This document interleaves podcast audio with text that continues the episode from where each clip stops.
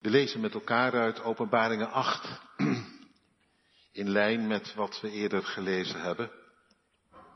De vorige twee keren die machtige gezichten uit Openbaringen 7, als een soort intermezzo. De,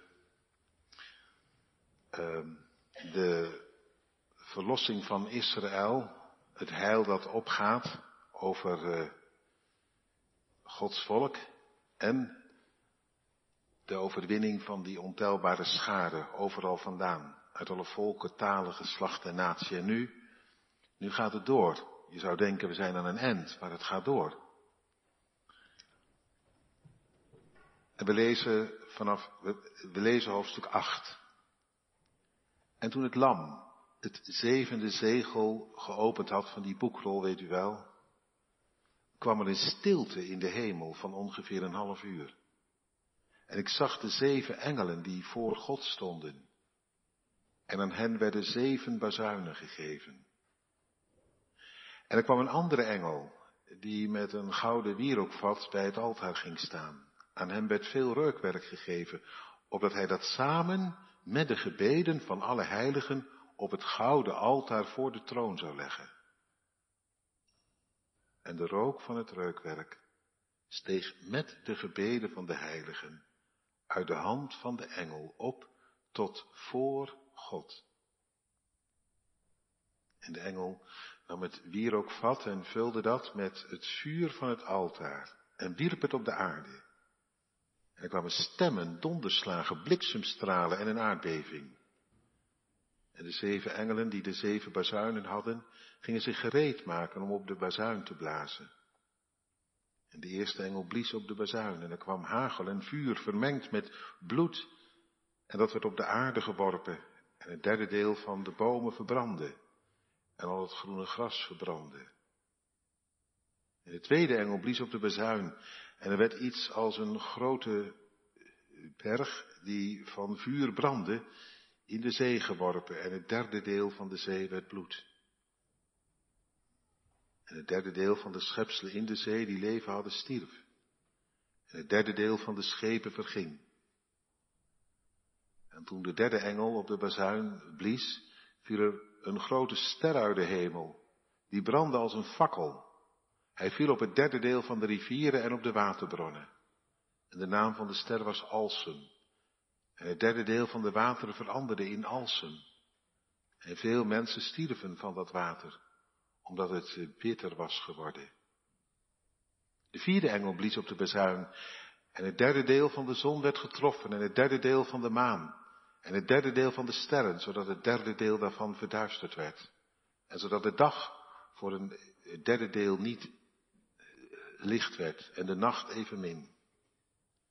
En ik zag en hoorde één engel die hoog aan de hemel vloog en met een luide stem riep, wee, wee, wee, hun die op de aarde wonen, vanwege de overige bazuinstoten van de drie engelen, die nog op de bazuin zullen blazen. Tot zover de schriftlezing. Het thema is dringende gebeden en dreigende gerichten. Dringende gebeden en dreigende gerichten.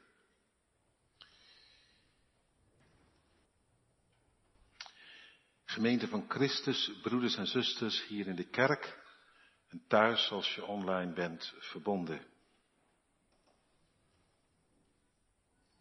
Het zevende zegel van de boekrol wordt verbroken. En gelet op wat er intussen voorbij kwam. We hebben ervan gehoord, van gelezen. En het leek al even op het laatste gericht uit te lopen, zou je nu zeg maar, denken dat we bij het sluitstuk zijn gekomen. Het zevende zegel. Dat is de finale.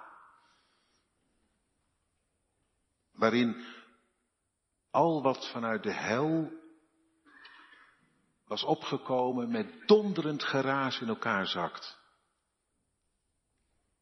En al wat van de hemel intussen doordrong, nu met tretgeschal en mazaal gejuich doorbreekt. Zoiets.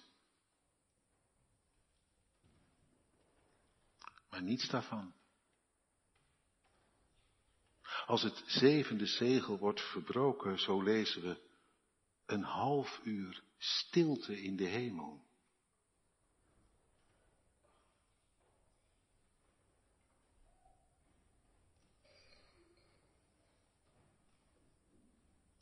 Stel u voor, ik was nu 15 seconden stil. De hemel, die een en al lofzang is voor de drie enige, valt stil. Een half uur lang. Dat is eindeloos. Als ik dat had gedaan nu, een half uur lang, mijn mond had gehouden, ik denk dat u op den duur niet meer had geweten wat u ermee aan moest, toch? Daar komt geen einde aan.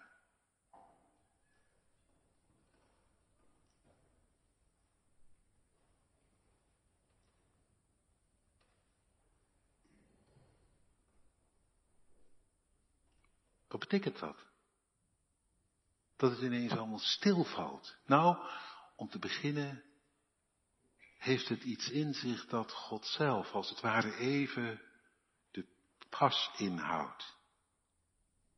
Je zou denken, nu, nu gaat het naar het einde toe. Ik zei het u al, dat, dat van de hel met donderend geraas in elkaar zal storten en dat van de hemel met massaal gejuich zal doorbreken. Nee, stil. Als je denkt, nu, nu gaat het gebeuren, komt er ineens rek, ruimte, stilte. Wat dat betekent? Nou, sowieso een teken van geduld, lijkt mij. God is niet zomaar klaar met deze wereld. Zeker de gerichten zijn zich bezig te voltrekken. Maar het is zoals door Jezus ook al werd gezegd, een en andermaal, nog is het einde niet. Je zou denken, nou maar dit, dit is het einde. Nog is het einde niet. Het treedt steeds weer vertraging op. En die vertraging is een uiting van ontfermen. Dat God door alles heen toch blijft hopen, blijft zoeken, ervoor blijft gaan. Waarvoor? Om te redden wat verloren is. Voor behoud en leven van dat wat verdwaald is en ontheemd. Tuurlijk zijn altijd mensen die zeggen, nou, dat van God kun je vergeten hoor. Dat duurde al zo lang, dat was toen ook al, hè, in de dagen van Petrus. Ze zeiden dat van God, dat schiet voor geen meter op. Geloof jij dat nou echt? Een oordeel en een nieuw begin, kom op zeg, had toch al lang moeten gebeuren. Als dat echt wat te, eh, te betekenen heeft, dan laat hij wel heel lang op zich uh, uh, wachten. Had hij wel eens eerder mogen opstaan en mogen optreden. Bij al die ellende die er gaande is. En ze honen hem weg. Geen boodschap aan. Toen en nu. Het is steeds weer hetzelfde verhaal. Het herhaalt zich elke keer weer opnieuw. Die hoon richting de hemel. Is niks nieuws hoor. Is echt niet iets van vandaag alleen dat wij zo wijs en slim zijn geworden met elkaar dat we er niet meer in kunnen geloven. Konden ze toen ook al niet.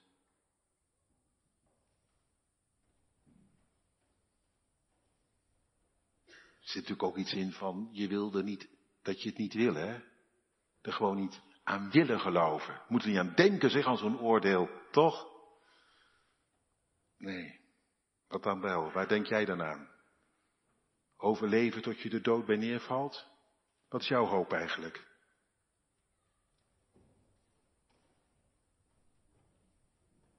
Als je niet moet denken aan dat van God. Waar denk jij dan aan? Even gewoon een vraag, zo niet een rare vraag. Dat is toch een hele eerlijke vraag. Nou goed, niet te lang nu, want het ging over dat half uur. Het is ongekend, half uur stilte in de hemel. Er komt rek en ruimte in, vertraging. Het gaat niet zomaar 1, 2, 3 naar het oordeel toe. Integendeel, God die zich als het ware inhoudt. En daarmee laat zien dat zijn hart naar ons uitgaat. Ja, typisch de levende hoor, typisch de levende. Dat hier ineens de hemel stilvalt en het niet zomaar doorgaat. En vertraging in, intreedt. Typisch de levende. Die ook u, jou, wie je ook bent, vandaag zoekt, roept, trekt. Kom, alsjeblieft. Niet je dood, niet je ondergang. Nee, dat is niet wat ik zoek. Je leven, je behoud, je toekomst.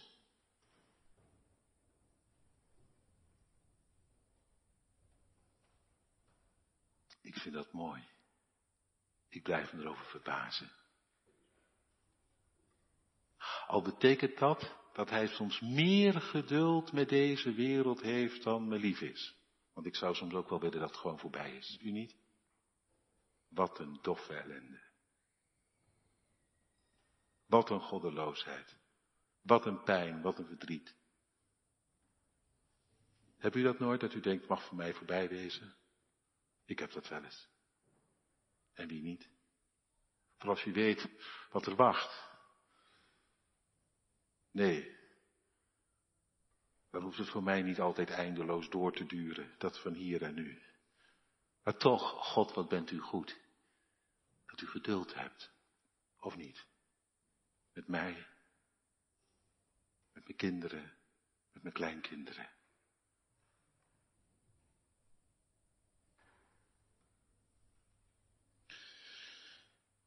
Dat het niet 1, 2, 3 voorbij is, wordt bovendien bevestigd door het vervolg. Want er verschijnen zeven engelen met zeven bazuinen.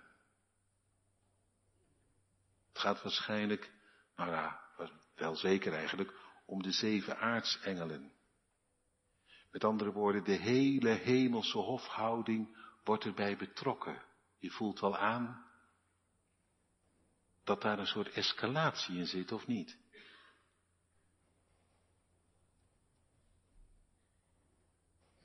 En die bazuinen die zijn een teken van nieuwe komende oordelen. In het Oude Testament werd een en, maal, en ander maal gezegd, u kunt dat bijvoorbeeld ook, ook nalezen in Joel 2, blaas de bazuin. Nou, als dat gebeurde, moet je heel goed opletten hoor. Blaas de bazuin, dat betekent dus zoiets als, het oordeel komt eraan. God zelf staat op, treedt op rekent af. Is er klaar mee. Geeft je over aan dat wat je over jezelf afriep. Blaas de bazuin. Dus hier zeven bazuinen. En de hele hemelse hofhouding wordt erbij ingeschakeld. Om zo meteen te blazen. Zeven oordelen. Die over de wereld gaan. Zeven gerichten. Het lijkt alsof daarmee het scenario opnieuw begint. Zeven zegels, en toen kwamen er ook al allerlei gerichten voorbij. Lees het nog maar eens na in het zesde hoofdstuk. En nu opnieuw, zeven bazuinen. Nee, helemaal van vooraf aan begint het niet. Maar het laat wel zien, God is niet zomaar klaar met deze wereld, zoals ik u zojuist al zei. Het is met het boek Openbaringen apart. En dat heb ik ook in de eerste preek al gezegd, maar ik zeg het nog maar een keer, want het komt hier ook weer heel erg aan het licht. De dingen gebeuren een en andermaal, zo gezegd. Want straks krijg je ook nog zeven schalen. Dus je bent niet zomaar aan een end. Integendeel. Het gebeurt een en ander maal. In meervoud. Staat trouwens ook in die reden van Jezus. Hè? Het gaat niet over één aardbeving of één oorlog of één. Nee, over aardbevingen, oorlogen, ziektes en pesten. Virussen. Allemaal meervoud. Het, het gaat door. En iemand heeft het eens een keer vergeleken. Vind ik mooi, moet u onthouden. Als het lukt. Maar dat lukt wel. Dat is een heel mooi voorbeeld. De klok die wij zien heeft alleen maar voor ons een grote wijzer. Wij zien de kleine wijzer niet. En een kind kan dat begrijpen. Als je alleen de grote wijzer ziet, denk je steeds dat het twaalf uur is. Maar dat is het dan nog niet. Je ziet de kleine wijzer niet. Begrijp je? Dus, dus in de geschiedenis ook vaak gedacht, maar nu is het twaalf uur, vijf voor twaalf. Hè? De laatste minuten tikken af. Maar ja, dan bleek toch dat het nog anders was. Dus oppassen. Het is oppassen geblazen. Met te zeggen dat het vijf voor twaalf is. Want wij zien de kleine wijze niet. Of, dat voorbeeld heb ik de eerste keer gebruikt en ik haal het nog even op. Kan geen kwaad, denk ik. De geschiedenis is als een berglandschap. En dat kunnen, kun je ook begrijpen. Jongeren, ouderen, iedereen die wel eens in de berg is geweest. Soms, dan, ja, dan ga je een heuvel op. En denk je, dan ziet het eruit alsof daarachter helemaal niks meer is. Maar dan kom je op de top en dan ligt daarachter gewoon nog opnieuw heuvellandschap. Je bent er nog lang niet. Ik, ik kan me nog heel goed herinneren, de eerste keer dat uh, uh, we naar Zuid-Frankrijk toe reden. En toen gingen we over zo'n N-weg en het waren hele lange wegen en dan ging je een heuvel op en dan leek het alsof daarachter de zee lag. En dan kwam je over die heuveltop en dan strekten zich weer eindeloos veel korenvelden zich uit. Er kwam geen end aan. En elke keer dan, dan leek het alsof de zee erachter lag. Alsof je er was. Nou ja, zoiets.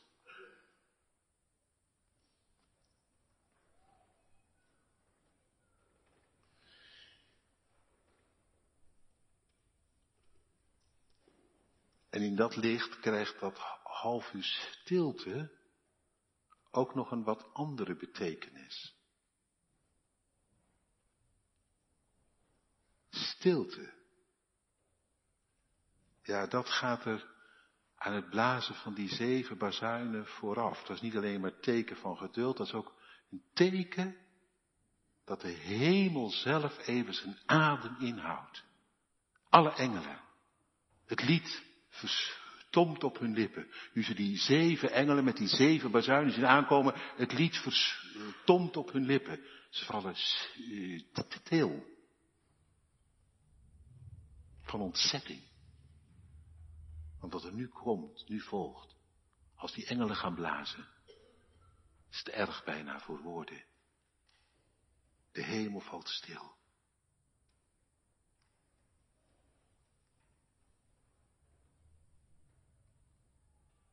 Ja, en dan gebeurt er nog iets. Voordat die engelen beginnen te blazen. Dat is mooi. Niet alleen dat de hemel stilvalt, maar in die stilte verschijnt er een andere engel. Met een wierookvat. En hij gaat naar het reukaltaar toe. Het reukofferaltaar. En dat reukofferaltaar, dat stond in de tabernakel en de tempel vlak tegen het voorhangsel aan, dat dichte gordijn voor het heilige der heiligen. Heel dicht bij God. God achter het gordijn en dat reukofferaltaar net voor het gordijn. Mooi hè? Zo dichtbij is God. Voor een kind ook mooi om te, om te weten. God achter het gordijn. Zo dichtbij. En, zo hoort hij ons. Het reukwerk, het, het reukofferaltaar dat was het altaar van de gebeden. En, en dat wierookvat, dat was niet voor niks. God had gezegd, die gebeden, die gebeden van al die mensen, die moeten altijd worden vermengd met wierook. En dat was van een hele speciale samenstelling. En waarom nou zo ingewikkeld? Nou, om te laten zien hoe genadig het eraan toe ging. Door die wierook gingen die gebeden geuren. Op zo'n manier dat God ze opsnoof. Allemaal symbolisch gezegd, dat snapt u wel hè? Maar intussen wel veelbelovend hoor. God die gebeden opsnuift, omdat ze geuren. Dat is veelbelovend. Want vandaag, die gebeden van u en mij, ja, die worden begeleid door speciale wierook. Nee, ik moet het nog anders zeggen. Die gaan door de handen van Jezus. En die worden door Hem overgenomen. En dan gaat alles wat niet deugt en niet klopt en wat er op die gebeden af te, te dingen is, gaat, gaat daarmee, ja, verdwijnt daarmee. En zo komen die gebeden voor God. En God, die snuift ze op. Die gebeden van u en mij. Die wierook het verbeeld. Dat genadige van God in Jezus. Nou, hier in de hemel, gaan we even terug, in dat visioen, gebeden. Van wie? Van de heilige staat er. Van welke heilige? Nou, hoop dat u het een beetje kunt volgen. Ik zal het zo eenvoudig mogelijk proberen te zeggen, zo helder mogelijk. De heilige, de zielen onder het altaar. Ja, die werden al in het zesde hoofdstuk genoemd. Van degenen die waren gedood. Of overleden waren, maar in ieder geval soms ook te lijden hadden gehad. Onder verdrukking, onder onrecht, onder, onder wat ook maar. En die, ja, die blijven roepen. Hoe lang, heren? Zult u geen recht doen? U wreken van de hemel, afrekenen met het kwaad. En die gebeden van de ziel onder het altaar, die worden nu op het altaar gelegd. Begeleid met die wierook. En we lezen ze komen voor God. En met dat ze voor God komen, die gebeden, die roep om recht. Neemt die engel het vuur uit het wierookvat en hij gooit het op de aarde, op dat gebed. Wordt het gericht dus gaande gemaakt. Apart hè? Niet alleen op dat gebed, ook op ons gebed. Op de gebeden van de heiligen staat er. De gebeden van alle heiligen. Dus ook van de gelovigen in het hier en nu. Als u en ik in gebed zijn en roepen om ontferming, om genade, om recht en dat God opstaat. Dat. En dat moet u nooit vergeten. Soms denkt u, misschien ik roep in de ruimte. Maar het is echt niet waar. Echt niet waar. Al die gebeden om ontferming, om genade over degene van wie je houdt. Al die gebeden, die zeggen, hoe lang nog, heren, ik kan niet meer, ik kan niet meer. Kom, red, help, doe recht, verlos, bevrijd. Al die gebeden, allemaal, op dat altaar.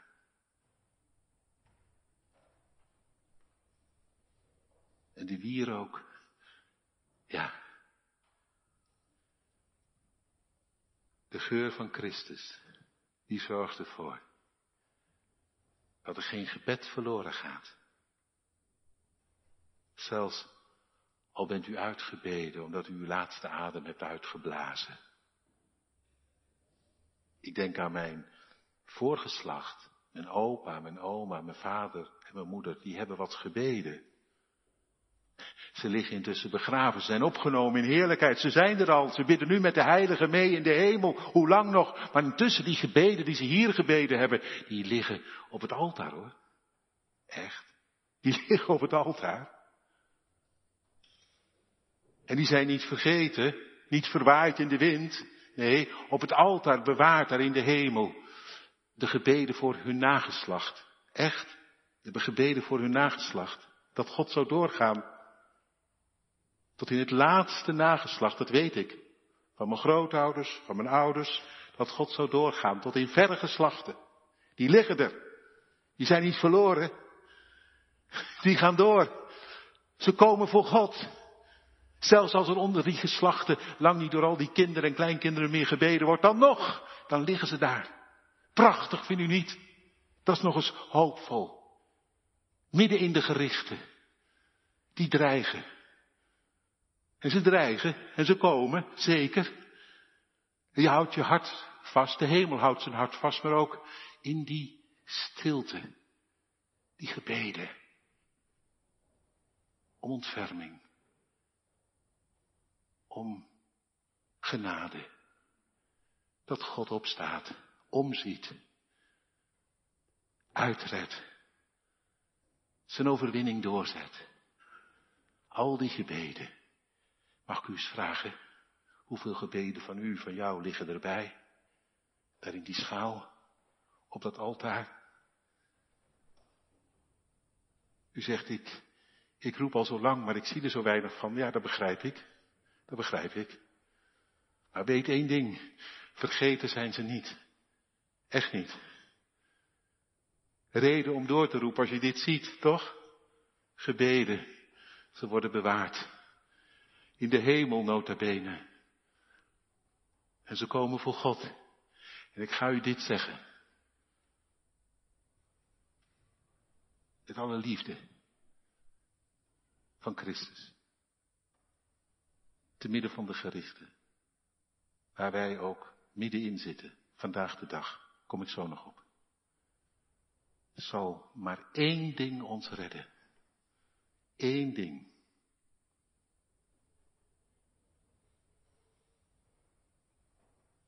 Ons gebed.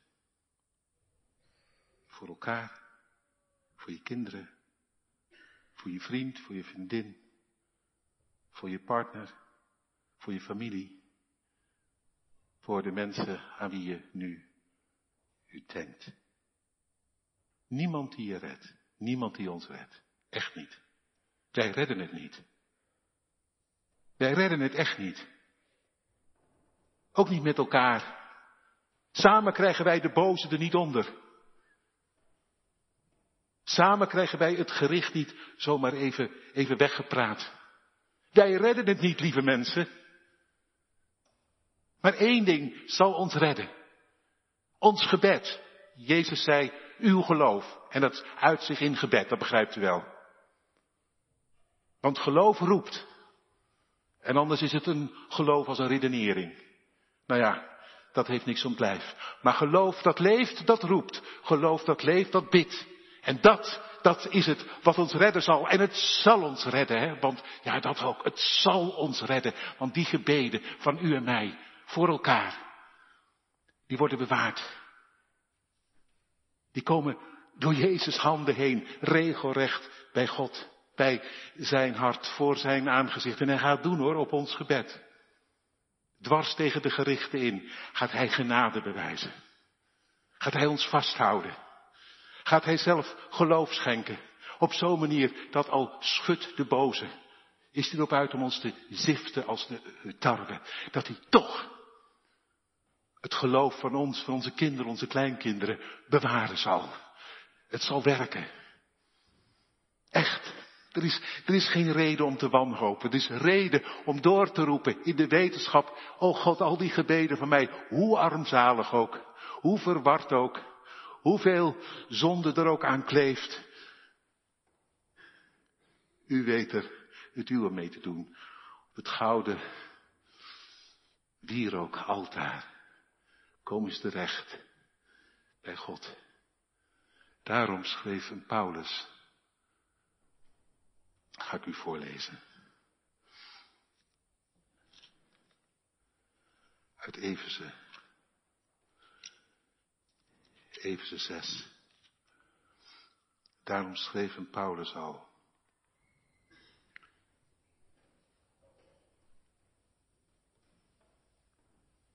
Hij spoorde aan. Hoe wil je staande blijven met elkaar in de boze dag? Door bij elke gelegenheid,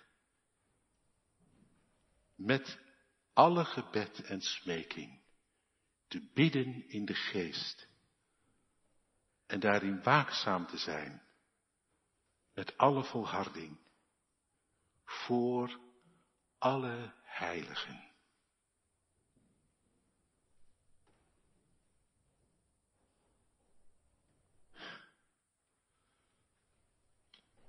Zullen we daar gewoon met elkaar nog eens ietsje meer zijn werk van gaan maken? Want zelfs preken helpen er niet aan. Tuurlijk, preken zijn goed. Maar zelfs preken helpen er niet aan hoor, om u, jou, mij te redden erbij te houden. Alleen het gebed. Dit huis, dit huis, mijn huis, zal een huis van gebed worden genoemd. Niet van preken, maar van gebed. Begrijpt u een beetje? Lieve broeders en zusters, begrijpt u een beetje waarom het gebed mij zo hoog zit? En waarom ik zo dolgraag soms zou willen dat we met elkaar toch wat bewuster dat gebed zouden bidden en zouden beoefenen. Dat is niet eh, een aardigheidje, een nieuwigheidje.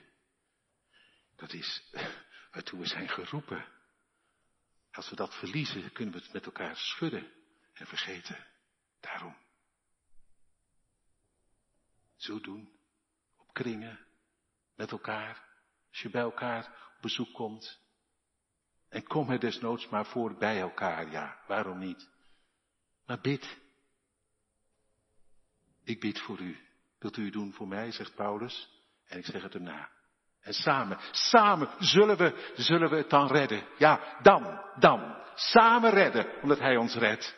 Hier en nu, in deze wereld, in Rotterdam, jongeren, ouderen, maakt niet uit. Zijn macht is groot, zijn trouw zal nooit vergaan. Hij die in ons is, onder ons is, zijn geest, is meer dan die in de wereld is.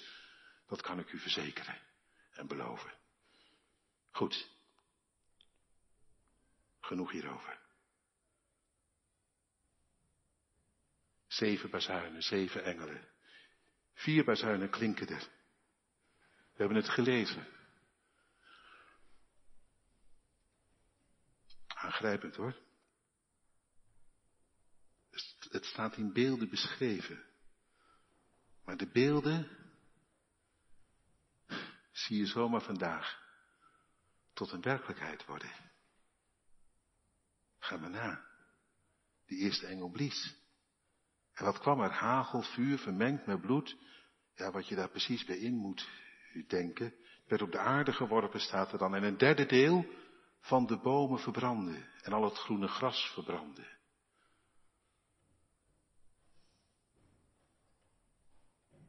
Het tropische regenwoud.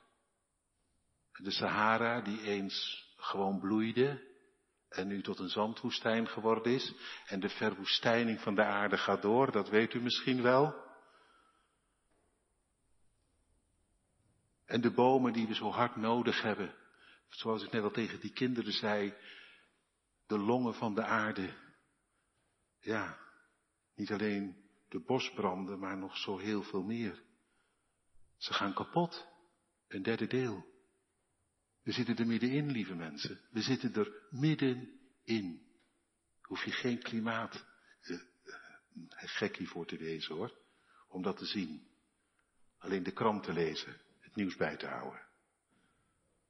We zitten er middenin. Hierin. In dit scenario. En nee, ik kan niet alles met tot op de punt en de komma aanwijzen. Maar je moet wel stekenblind zijn als je zegt, oh, maar dat heeft er niks mee te maken. Dat heeft er alles mee te maken met vandaag. Dit, nu. De tweede engel blies op de bazuin. En er werd iets van een grote berg die van vuur brandde in de zee geworpen. Denk even aan die lava, weet je wel. Maar dan nog veel ontzettender, ontstellender. Misschien ook wel wat ongrijpbaarder. Want er staat dan bij, een derde deel van de zee werd bloed. Het derde deel van de schepselen in de zee die leven hadden, tierf. Wist u dat al minstens een derde deel van alles wat leeft in de zee uitgestorven is?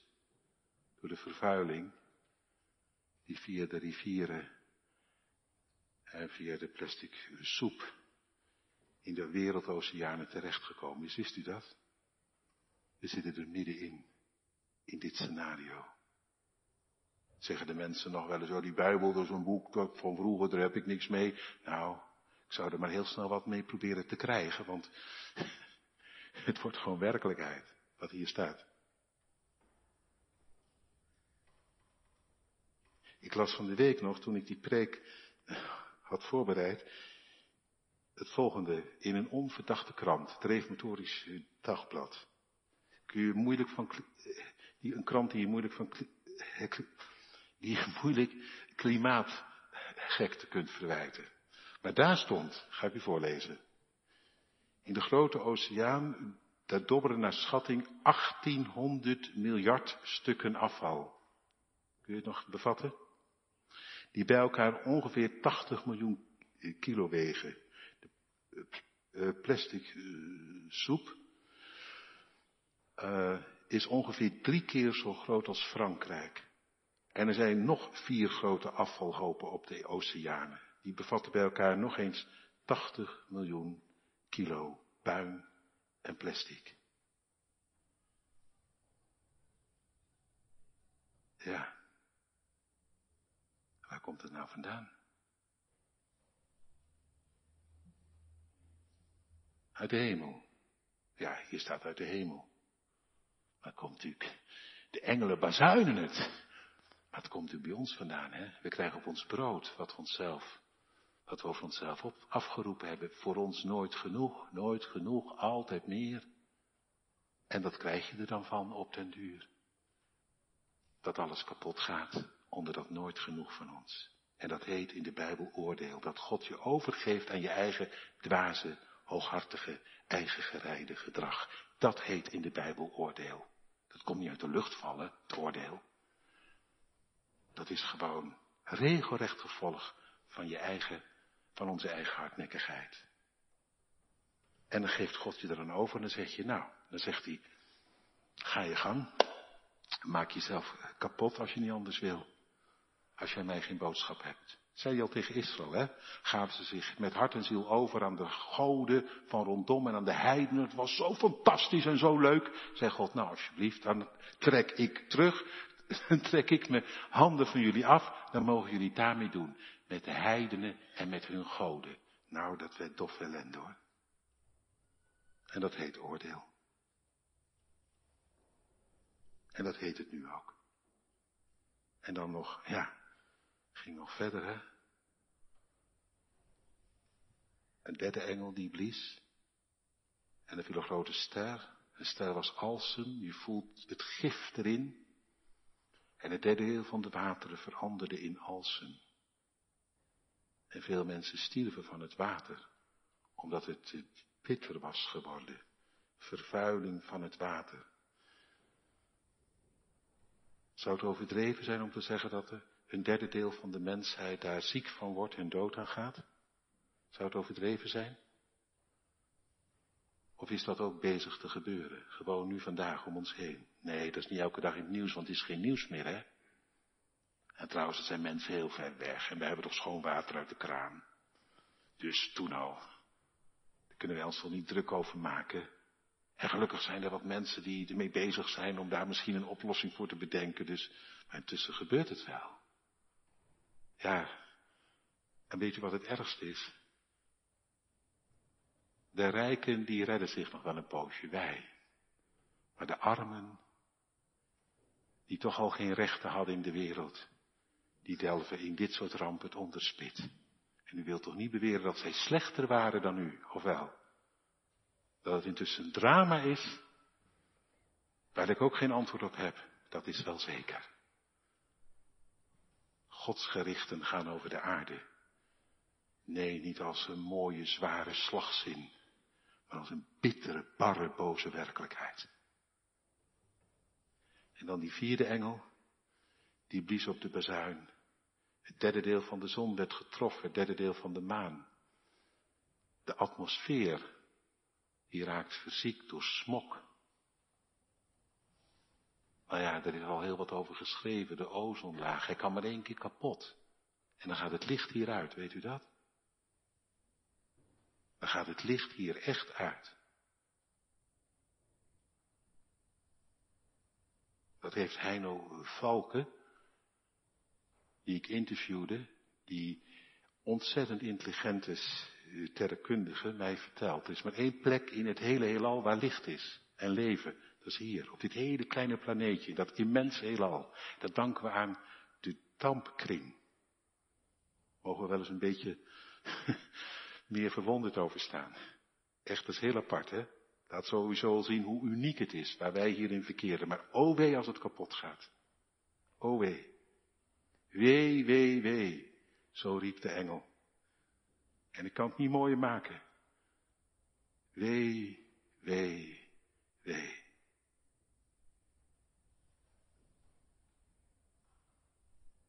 We zitten er middenin.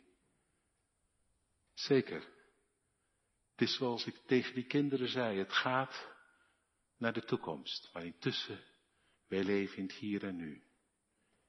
En daar middenin, en daar ga ik nu verder ook geen verhaal meer over maken. Nee, wij kunnen de wereld niet redden.